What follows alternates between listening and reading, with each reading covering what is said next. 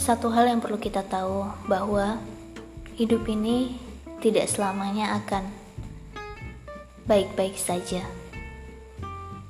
Setiap detik, setiap menit, setiap jam, bahkan setiap harinya pasti ada permasalahan yang selalu kita hadapi.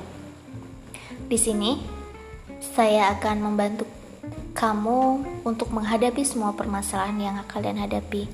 Semoga nantinya akan memotivasi kita untuk tetap bisa menjalani kehidupan kita dengan baik.